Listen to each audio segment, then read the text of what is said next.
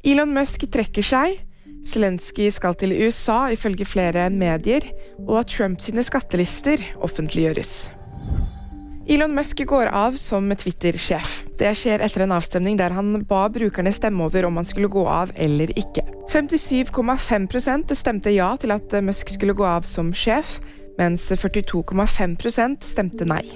Musk lovet å følge resultatet av avstemningen, men det var ikke før i natt at han kom med en uttalelse om at han faktisk går av. Zelenskyj reiser til Washington DC i dag, ifølge flere amerikanske medier. Dette blir i så fall første gang den ukrainske presidenten reiser utenlands siden krigens begynnelse. Ifølge CNN vil møtet foregå mellom USAs president Joe Biden og Zelenskyj i Det hvite hus.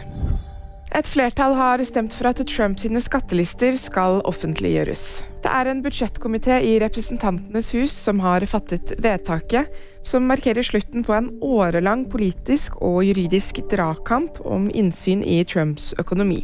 Komiteen kommer til å sette sammen en rapport som kan avsløre hvor mye Trump har betalt i skatt, og hvor store inntektene hans egentlig har vært. VG-nyheter fikk du av meg, Ingrid Alice Mortensen.